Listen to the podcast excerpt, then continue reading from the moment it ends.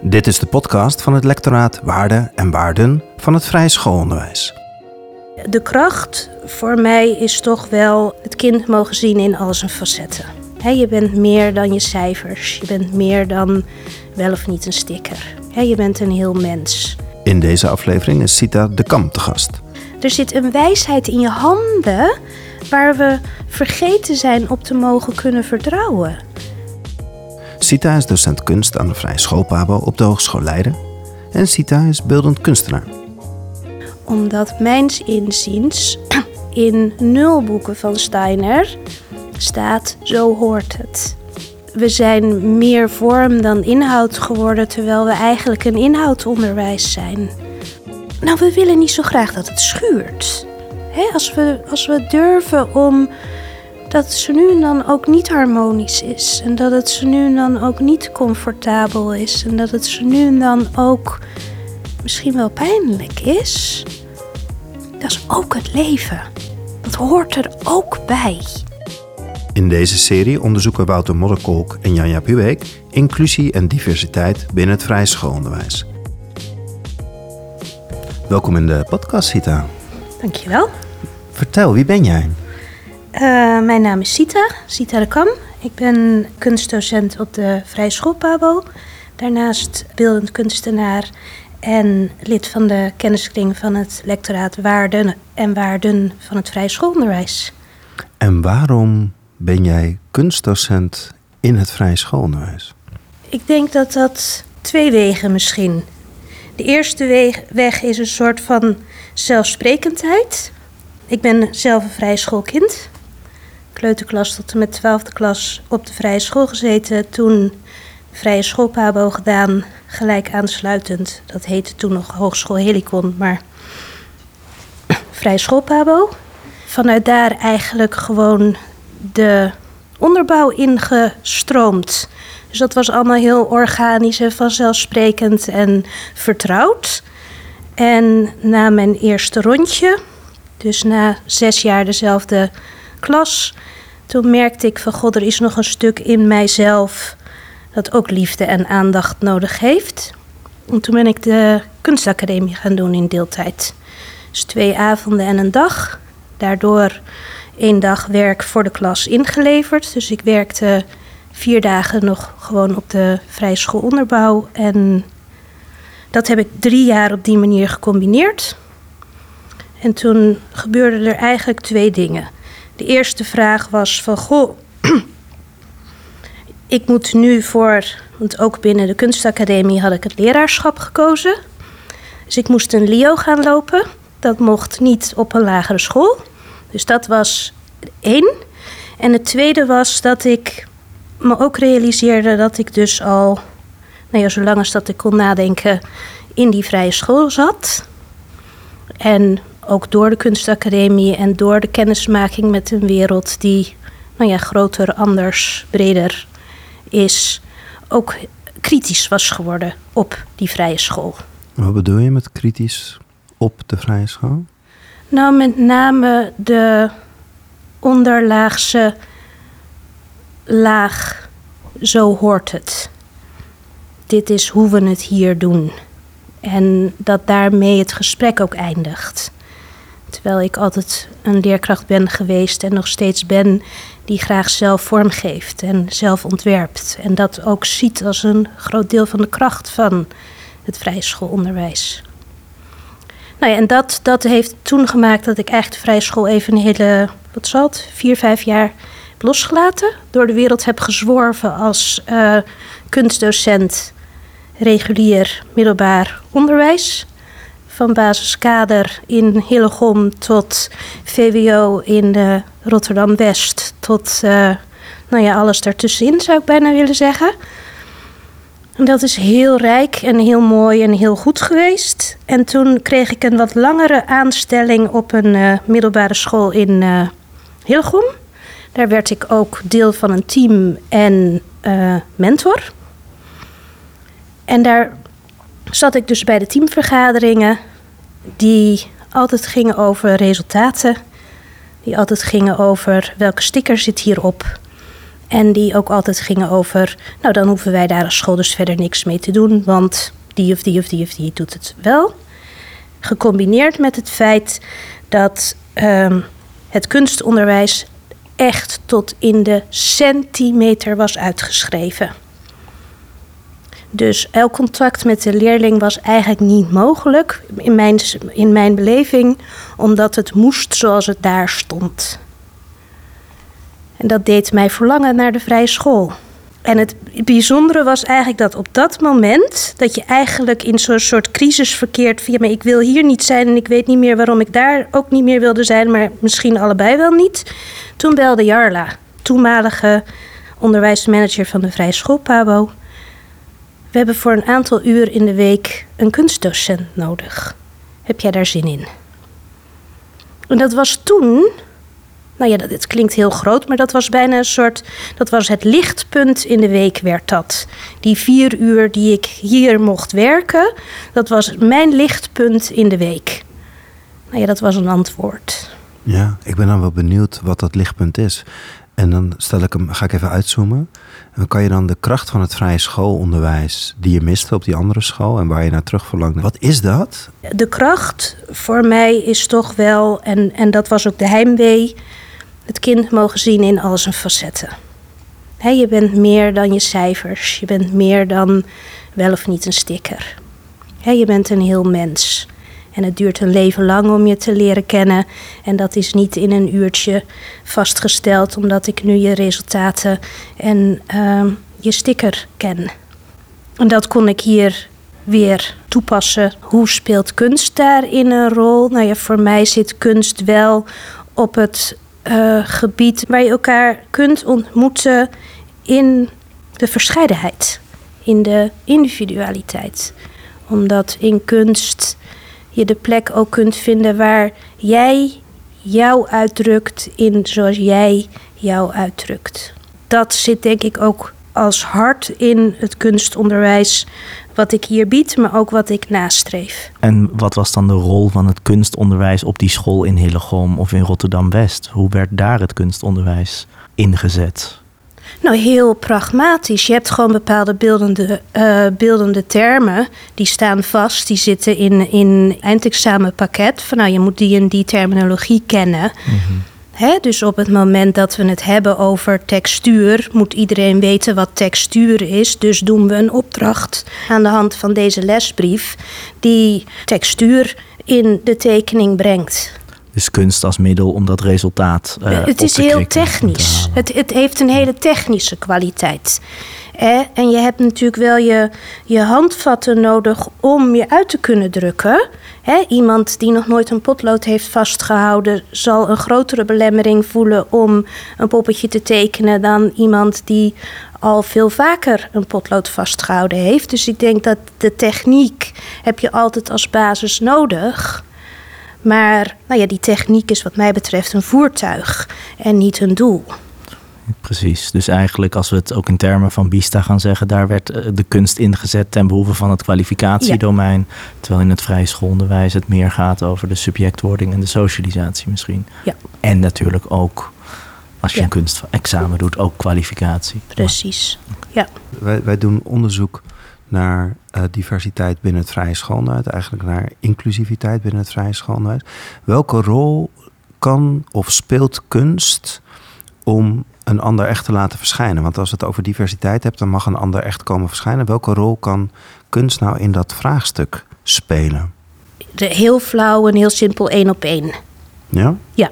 Want? Op het moment dat het gaat over dat jij daar mag verschijnen, dan mag jij daar verschijnen. En geen mens is hetzelfde we krijgen als vrije school nog wel eens de feedback van ja, jullie kunstonderwijs is niet kunstzinnig. Want iedereen maakt dezelfde schildering of iedereen maakt dezelfde zeehond van, uh, van klei. Maar als je die dert, van zo'n klas die 30 zeehonden naast elkaar zet, dan zijn ze alle 30 anders. En dan komt juist die schoonheid van hoe mooi we als mensen allemaal van elkaar verschillen in zoiets simpels als een zeehond, wordt daar gewoon letterlijk tastbaar. Dus die kritiek klopt voor een deel, alleen jullie kijken er anders naar. Is dat ook wat je zegt? Dus voor een deel doe je allemaal ook, zit het dus ook in vorm? En vervolgens hoe je met die vorm omgaat, daarin zit het verschil? Is dat wat je zegt? Nou, gaat het over de buiten of gaat het over de binnenkant? Hè? De buitenkant is inderdaad, kijk, 30 zeehonden, wat on, onkunstzinnig. Maar ga je naar de binnenkant, ja, dan hebben we in dit geval de zeehond, om even bij dit voorbeeld te blijven, gebruikt om mezelf uit te drukken. En dat is de schoonheid die daar verschijnt en de diversiteit die daarmee verschijnt. Van 30 verschillende individuen in je klas. Kan jij me dan helpen? Waarom leeft deze vraag binnen het vrije schoolonderwijs om meer divers te worden? Want ik kom alleen maar, eigenlijk jouw antwoord tegen, alleen maar tegen van ja, maar je mag juist als je zo verschijnen. Kunst draagt er heel erg aan bij. Er is veel ruimte voor kunst in het vrije schoolonderwijs.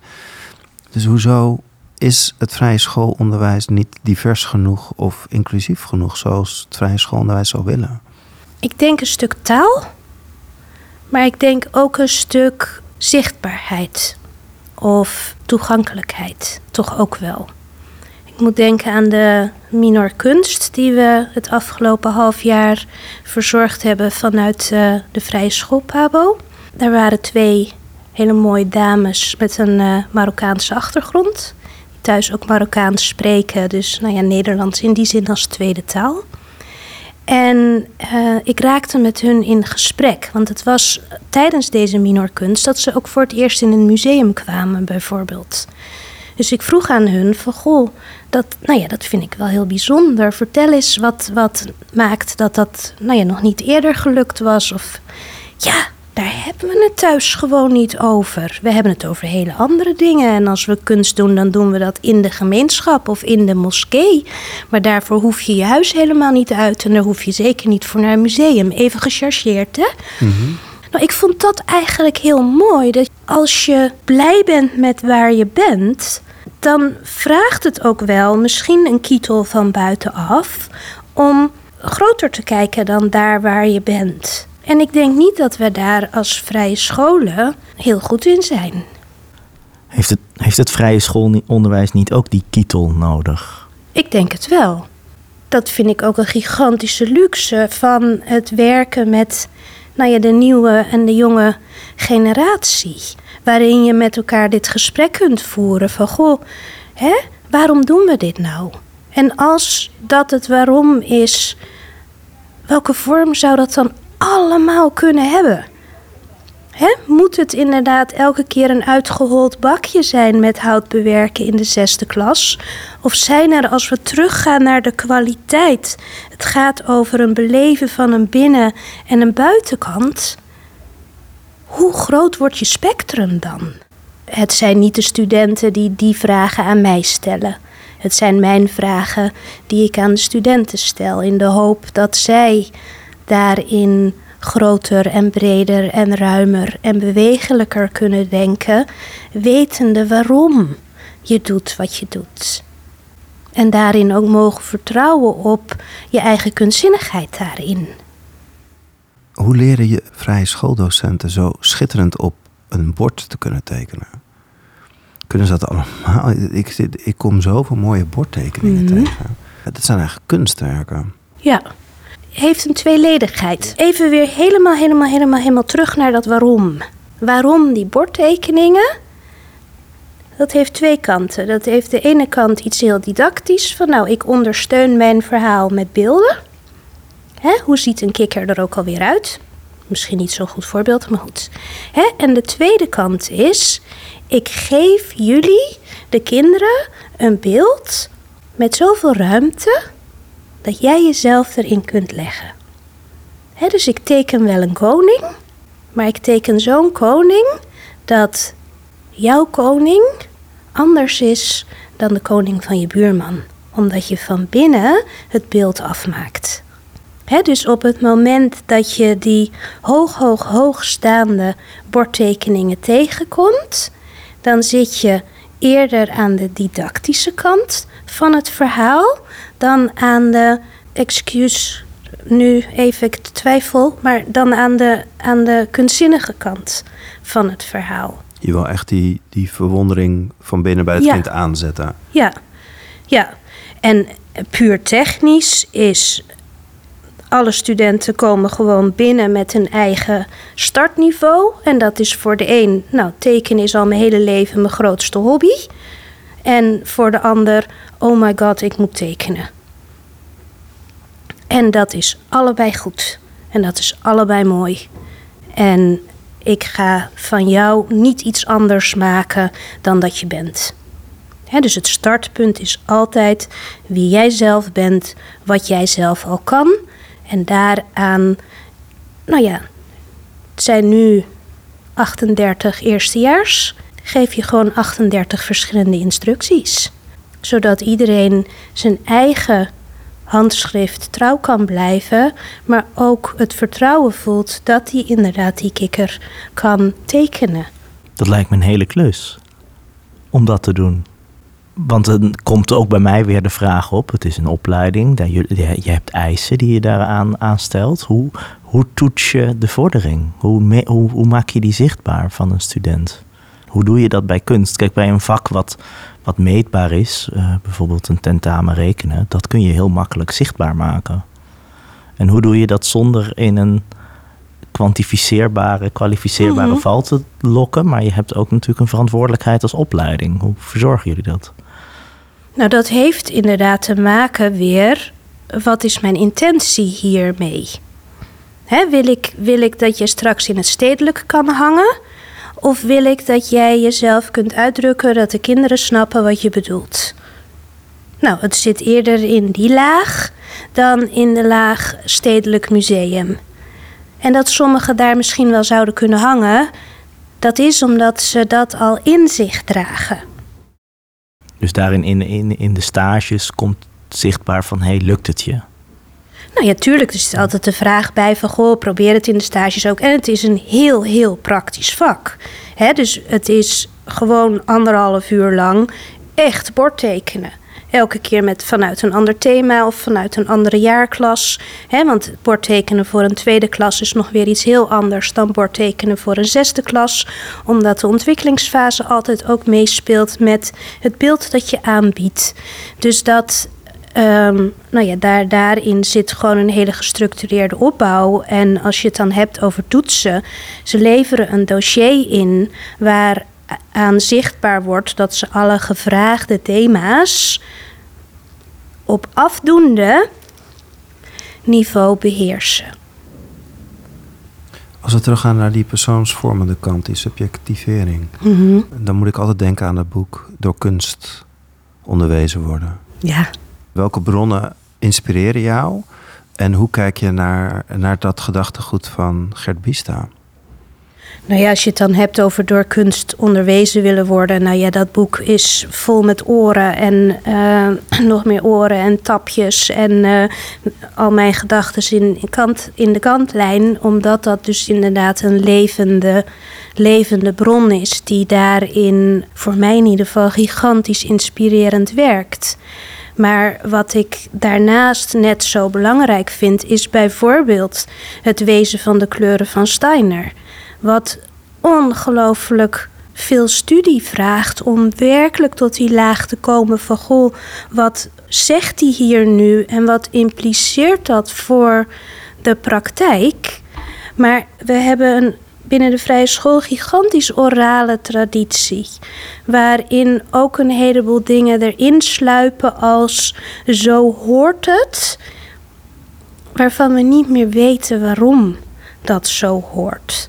En in die zin nou ja, noem ik nu het wezen van de kleuren, omdat ik zelf wil begrijpen wat daar staat, omdat mijns inziens in nul boeken van Steiner staat zo hoort het. Er worden achtergronden, er worden ondergronden, er worden voorbeelden gegeven, maar er wordt nergens gezegd, ja, wat wordt er gezegd? Kijk naar die ontwikkeling, sluit aan bij die ontwikkeling. Zorg dat je, je leest wat daar uh, te lezen valt, zodat je daar kunstzinnig op kunt handelen. ik heb nog nergens gevonden. Een bordtekening hoort er zo uit te zien. Steiner schetst daarin het waarom en het waartoe daarvan. Ja, ja. en daar gaat het om, mijns inziens. En wij hebben in ons onderwijs, in het vrije schoolonderwijs, hebben wij de vorm vastgezet en zijn te veel vanuit die vaste vormen gaan denken. Dat, dat vind ik wel een, ja, een groot struikelblok. Ja. Sluit dat ook aan bij, bij het verhaal van Christophe in zijn laatste, laatste boek? Ja. Ja, hij geeft daar weer op een andere manier woorden aan. Maar dat, dat is wel een stuk dat ik denk van ja, we zijn meer vorm dan inhoud geworden, terwijl we eigenlijk een inhoudonderwijs zijn. Jij hebt een minor ontwikkeld. Ja. Die heb je, daar refereer je net aan. Kan je ons even meenemen, wat is die minor, wat beoog je met de minor en wie komen daarop af? Ja, dat is uh, heel leuk. Ik doe dat uh, samen met mijn collega Marcel van Os. Dat is de muziekdocent op de Vrije School Pabo. En nou ja, wij dragen de kunsten een, uh, een warm, groot hart toe. Toen ik hier op de opleiding kwam werken, bestond er een minor en die heette Mooi onderwijs maken met kunst. Uh, de exacte geschiedenis weet uh, Marcel beter, maar die is ontstaan eigenlijk vanuit een interne behoefte vanuit de Vrije School Pabo. Nou ja, door de jaren heen werd eigenlijk zichtbaar dat er gedurende die minor, misschien ook wel omdat ik met al mijn passies daar ook um, een plek in ging krijgen, ontzettend werkte aan de persoonsvorming. Dus wat die studenten eigenlijk aan het eind in essays, uh, portfolio's, uh, procesverslagen, eigenlijk ging het voor 90% over: dit heeft het aan mij als mens gedaan. En dit heeft kunst mij geleerd over mezelf. En dit heeft kunst mij doen ontdekken over mezelf. Vanuit eigenlijk die ontdekking van dus de voorganger van de huidige minor kunst... hebben Marcel en ik gezegd van, maar dat is waar het eigenlijk over gaat. Dat is het hart. Dus we gaan nu deze minor zo ombouwen dat dat hart ook het hart ervan is. Nou ja, dat heeft eigenlijk vorm gekregen in een minor die bestaat uit drie lijnen. De onderste lijn is je doet gewoon van alle kunsten twee weken lang krijg je de mogelijkheid om die echt te doen. Dus dat is architectuur, dat is uh, plastische kunst, dat is beeldende kunst, dat is muziek, dat is drama, dat is performance. Wat vergeet ik nu? Oh, de bewegingskunst. En daarnaast loopt het traject nou ja, wat is mijn fascinatie hierin? Waar ga ik op aan? Wat wil ik graag weten? Wat wil ik ontdekken? En in dat pad, dat vindt die ontdekkingstocht plaats aan de hand van de vier stappen van artistic research. Daarmee gaan theorie en kunst hand in hand. Dus ze zijn zowel in een uh, muzische vorm uh, als in een kunstvorm met een thema bezig als in theoretische vorm. En als allerlaatste lijn is er inderdaad het nou ja, kunst beleven. Dus het bezoek aan het museum, een bezoek aan een concert, bezoeken aan dansvoorstellingen, bezoeken, nou ja, gewoon kunst, kunst, kunst. We hebben hem net twee weken geleden afgesloten en afgerond met een presentatie waar alle kunstwerken zichtbaar, hoorbaar, uh, ontmoetbaar tevoorschijn komen. Dat is een ongelooflijk vreugdevol, bijzonder moment was dat juist ook weer. Tuurlijk, er was kunst van, nou ja, inderdaad, ik heb nog nooit in mijn leven een potlood vastgehouden. Kijk wat ik heb gemaakt naar iemand die, nou ja, et cetera. Dus dat, hè, dat, dat kun je zien.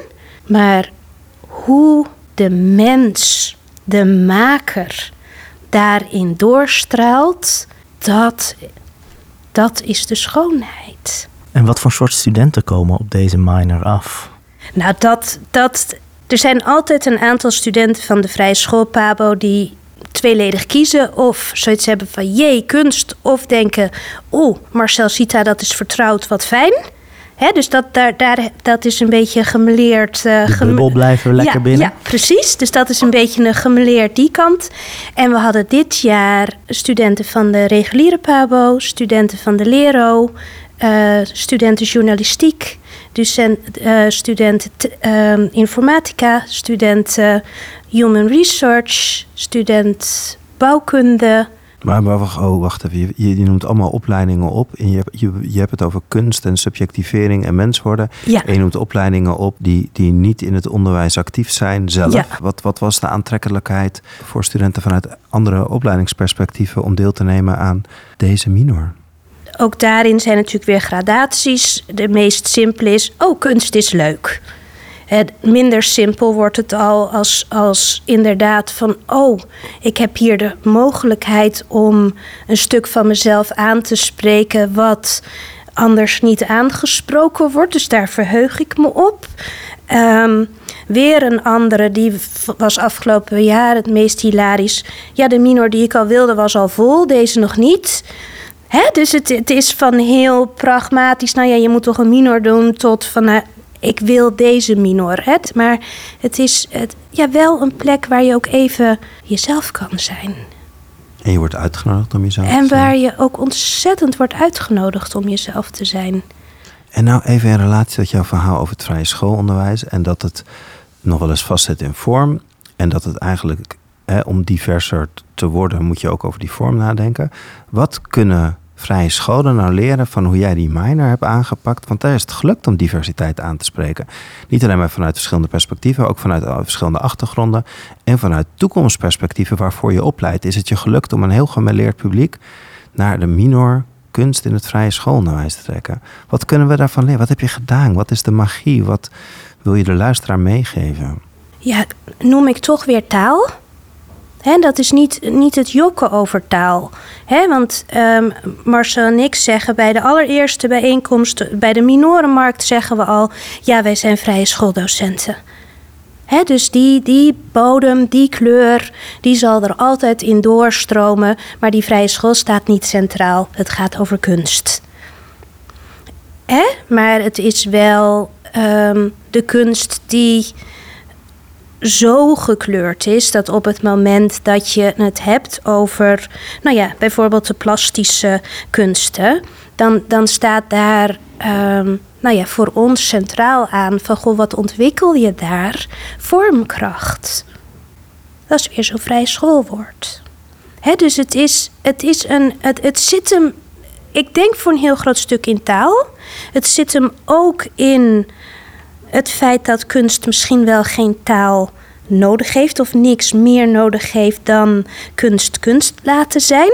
En kunst dus ook voor zichzelf mogen kunnen laten spreken.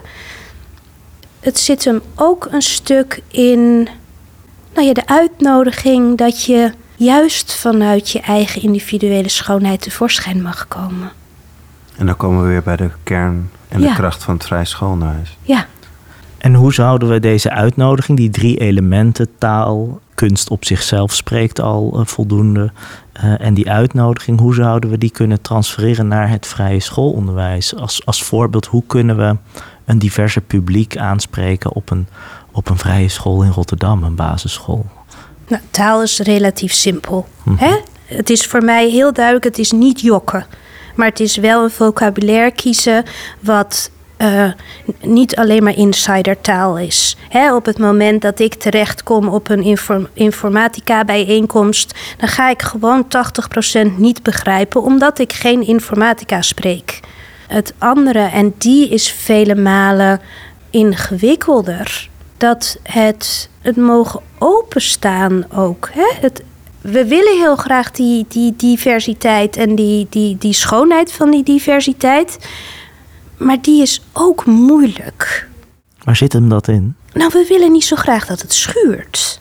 Hè, als, we, als we durven om dat zo nu en dan ook niet harmonisch is. En dat het zo nu en dan ook niet comfortabel is. En dat het zo nu en dan ook misschien wel pijnlijk is. Dat is ook het leven. Dat hoort er ook bij. Maar we zijn er ook een beetje bang van. Hè, het harmoniemodel is wel echt het grote streven. En dat is in het bijzonder ook in het vrije schoolonderwijs in jouw ogen. Ja, en dat is een tweesnijdend zwaard. Want daarom nou ja, ben, ik, ben ik er met volle, volle overtuiging in teruggekeerd. Want ik voel me daar heel veilig. en heel vertrouwd. En omarmd en warm en nou ja, al, alles wat je er maar over wilt zeggen. Maar de andere kant ervan is dat het misschien wel te veilig is. Waardoor ik het schuren uit de weg ga. En misschien ook uitsluit voor mensen die niet in de bubbel Precies. zitten. Dat is toch ook weer kunst, hè? Dat schuren. Ja, dat is en lukt echt het, kunst. Lukt het in die minor om het, lukt het wel om daar schuren een plek te geven dat het er kan zijn en mag zijn en het te oefenen misschien wel? Ja, ja en dat, dat zit hem ook een stuk echt gewoon heel simpel in de houvast van eh, de methodiek van artistic research. Dus dat geeft gewoon houvast. Ik weet dat ik me nu moet verhouden tot. Ik weet eigenlijk niet, ik weet niet waar ik ben. Ik weet niet waar ik heen ga. Ik weet niet waar ik aan, wat ik aan het doen ben. En dat is allemaal heel spannend en heel onzeker. En ondertussen moet ik wel doorgaan, want daardoor kan ik uiteindelijk wel ergens uitkomen. En dat is ook een stuk wat nou ja, in de presentaties van de kunstwerken eigenlijk bij een heleboel klonk. Van nou, daar, nou ja, daaraan heb ik zoveel overwonnen, maar ook mezelf kunnen verrassen en verbazen over nou ja, het eindkunstwerk wat hier nu tentoongesteld is. Dus die methode, die, Mhm. die faciliteert het schuren. Ja. En leidt ook uiteindelijk weer tot een bepaalde harmonie, maar daar moet je maar vertrouwen in hebben. Ja, En, en, en wat in, in onze vrije schoolmethode kunnen we doen om dat schuren te faciliteren? Want blijkbaar zit het er in de vorm die we hebben bedacht dat zou moeten, mhm. dat er onvoldoende in moet. moet. Ja, dat is maar het vieren, eerste maar wat we vieren Michael, dus dat doen we al. ander soort moet. Kun Ja. je dat eens toelichten? Het is mens eigen om het goed te willen hebben, hè? En om het veilig te willen hebben. En als iets veilig is, waarom zou je daar dan aan gaan sleutelen? En om dan toch te gaan sleutelen, al is het maar op hele kleine wijze, dat vraagt een heleboel moed. En inderdaad een heleboel Michael. En misschien niet omdat er gelijk een hele zichtbare draak is, maar misschien wel de draak in jezelf om überhaupt zichtbaar te kunnen worden daarin. Of om een ander geluid te laten horen dan de status quo. Jij zegt van dat boek door kunst onderwezen willen worden. Heb ik helemaal drie keer eh, van voor naar achter en van achter naar voren. En voorzien van allerlei aantekeningen in de zijkanten. Wat is voor jou de kern van, van het boek en waarom inspireert het jou zo? Nou, de, de kern is dat je enerzijds altijd de hele mens meeneemt. Dus je kunt nooit alleen maar nou ja, het voelen aanspreken of alleen maar het willen of alleen maar het denken. Maar op het moment dat je het hebt over nou ja, werkelijk kunst en kunstzinnig en kunstonderwijs, dan heb, dan heb je eigenlijk een, een midden van alle drie. Wat al een interessant midden is, hè? want midden lijkt altijd tussen twee, dus dat is een midden van drie. Ik denk dat eh, een ander stuk wat ik daaruit meeneem, is dat je, dat je altijd ook gewoon het instrumentarium moet hebben om tot uitdrukking te kunnen komen. En dat het feit dat je tot uitdrukking kunt komen, nog niet wilt zeggen dat het daarmee werkelijk kunstzinnig is. Want dat werkelijk kunstzinnige komt pas op het moment dat het ander en de andere daar ook in hun schoonheid zichtbaar mogen worden. Dus het is niet alleen mijn schoonheid die ertoe doet, maar die van iedereen. Wouter, jij zei net van goh, we, we kwamen zelf al een beetje tot het gebied van goh, in kunst zit een soort antwoord. En ik denk dat daar nou, je wel een differentiatie nodig is. Hè? Want je hebt kunst als uitdrukkingsvorm. Maar je hebt ook kunst als attitude. En als mindset. Ik denk dat het wat mij betreft heel, heel erg gaat over kunst als attitude. Waarin, het, waarin je niet kunt weten, waarin je vragen kunt stellen, waarin je kunt schuren, waarin je kunt experimenteren, waarin je even iets weg moet zetten omdat dat gewoon helemaal niet zo de bedoeling was zoals je dat had gedacht. En een drie, vier maanden later ontdekt, hé, hey, wat interessant dat dat toen per ongeluk ontstaan was. Maar ook het bewegen? Durf ik over fictieve eh, lijnen heen te stappen? Zijn we te veel wetenschappers geworden? We kunnen heel goed denken. Ja, en ik denk dat op het moment dat je het hebt over kunst als attitude, dat dat een gigantisch appel doet op ons midden. Ik heb een stuk intuïtie ook, bijvoorbeeld. Daar, daar, daar zit, er zit een wijsheid in je handen waar we vergeten zijn op te mogen kunnen vertrouwen. Hoe kunnen we die kunstzinnigheid weer, weer, weer in ons brengen? Want we, ik geloof dat we er allemaal mee geboren zijn, maar we leren het af. Ja, Hoe kunnen we dat met elkaar gaan verzorgen? Wat is daarvoor nodig? nou de vraag aan jezelf, wil ik dit? Nou ja, een waarheidsvraag. Daarin kan het antwoord zijn, het is me te veel gedoe. Of ik moet al 50.000 rapporten invullen, ik, ik heb hier niet ook nog tijd voor. En dat is niet een waardeoordeel. Maar dan is je waarheidsantwoord nee. En dat is een afweging die ieder voor zich moet Ja, maken. En ja, niet de nee. voorzitter van de vereniging. Nee. En op het moment dat je op wilt staan, is ook een kunstterm, hè? Opstaan. Ja, dan mag je eigenlijk daar niet, niet naar luisteren. Sita, mogen we je danken voor je openhartigheid over de kunstzinnigheid binnen het Vrije Schoolhuis. Met veel plezier. Dankjewel. Heel veel Ja. dank. Mooi.